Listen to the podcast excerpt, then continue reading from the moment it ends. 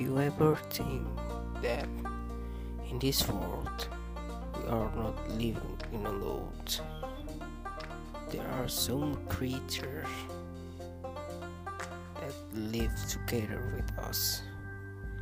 In this podcast, I will tell you some of the story from around the globe and I will tell them using English languages and also Indonesian languages. Hope you all enjoy and stay tuned for my podcast.